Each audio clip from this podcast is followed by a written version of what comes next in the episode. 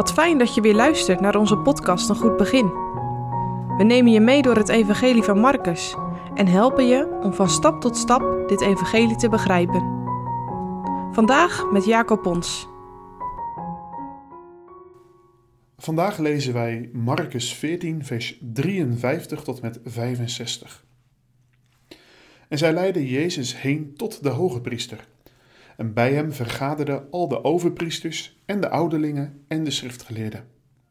En Petrus volgde hem van verre, tot binnen in de zaal van de hoge priester.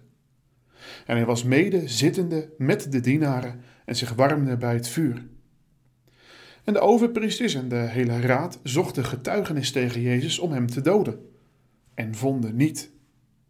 Want velen getuigden valselijk tegen hem, en de getuigenissen waren niet eenparig. En enige opstaande getuigden vals tegen hem, zeggende: Wij hebben hem horen zeggen: Ik zal deze tempel, die met handen gemaakt is, afbreken, en in drie dagen een andere, zonder handen gemaakt, bouwen. En ook alzo was hun getuigenis niet eenparig.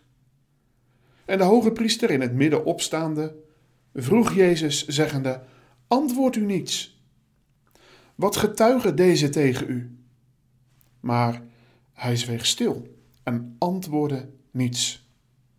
Wederom vroeg hem de hoge priester en zei tot hem: Zijt gij de Christus, de zoon van de gezegende God? En Jezus zei: Ik ben het. En gij zult de zoon des mensen zien zitten ter rechterhand der kracht Gods en komen met de wolken des hemels.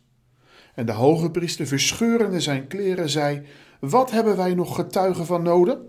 U hebt de godslastering gehoord. Wat dunkt u? En zij allen veroordeelden hem des doods schuldig te zijn. En sommigen begonnen hem te bespuwen en zijn aangezicht te bedekken en met vuisten te slaan en tot hem te zeggen: profeteer.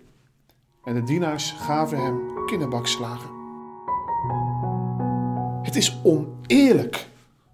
Als ik als kind vals beschuldigd werd, nou, dan kon je je bergen.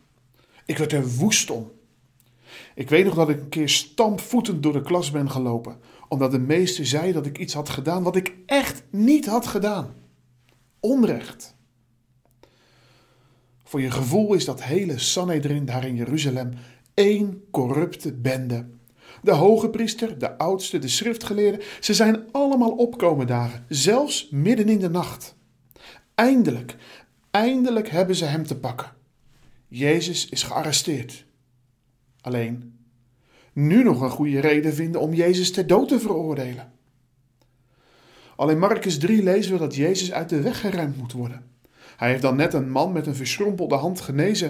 En dan staat er: En de Fariseeën uitgegaan zijnde hebben terstond met de Herodianen tezamen raad gehouden tegen hem, hoe zij hem zouden doden. Op allerlei manieren hebben ze het geprobeerd. Alleen ze hebben geen reden kunnen vinden.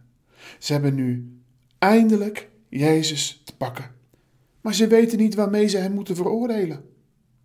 En het lijkt natuurlijk allemaal heel oprecht wat hier gebeurt. Natuurlijk kunnen ze niet zomaar iemand doden.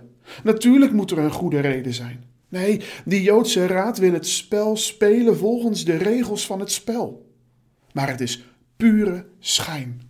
Er is geen reden om hem te veroordelen, ondanks de verwoede pogingen om er een te vinden. Ja, er worden verklaringen afgelegd.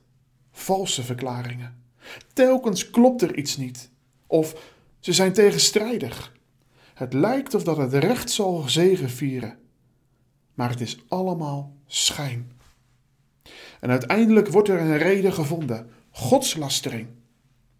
Dat hij gedood zou worden, dat was al lang besloten. En dat besluit wordt achteraf met een wettige reden onderbouwd. Het is een afschuwelijke schijnvertoning, vooral als er een complete spotvertoning wordt opgevoerd. Spugen, lachen, uitschelden, slaan. En dan te bedenken: Jezus, de rechtvaardige. De enige mens in de hele wereldgeschiedenis die kon zeggen dat hij rechtvaardig was. Hij wordt hier veroordeeld in het hoogtepunt van onrecht. Het zijn misschien standaardwoorden, maar laat die woorden eens tot je doordringen. Hij, de rechtvaardige, voor de onrechtvaardige. Hij heeft het onrecht gedragen. Oneerlijk? Ja, vanuit de mens wel. Maar vanuit God niet. Want omdat Hij het onrecht droeg, daarom kun jij en ik recht voor Hem leven. Heb jij ook een groot rechtvaardigheidsgevoel? Kun jij ook slecht tegen onrecht, vooral als het jou zelf wordt aangedaan? Word je dan ook zo boos? Kijk dan vandaag eens naar de Heer Jezus. Hij, de rechtvaardige, voor onrechtvaardigen.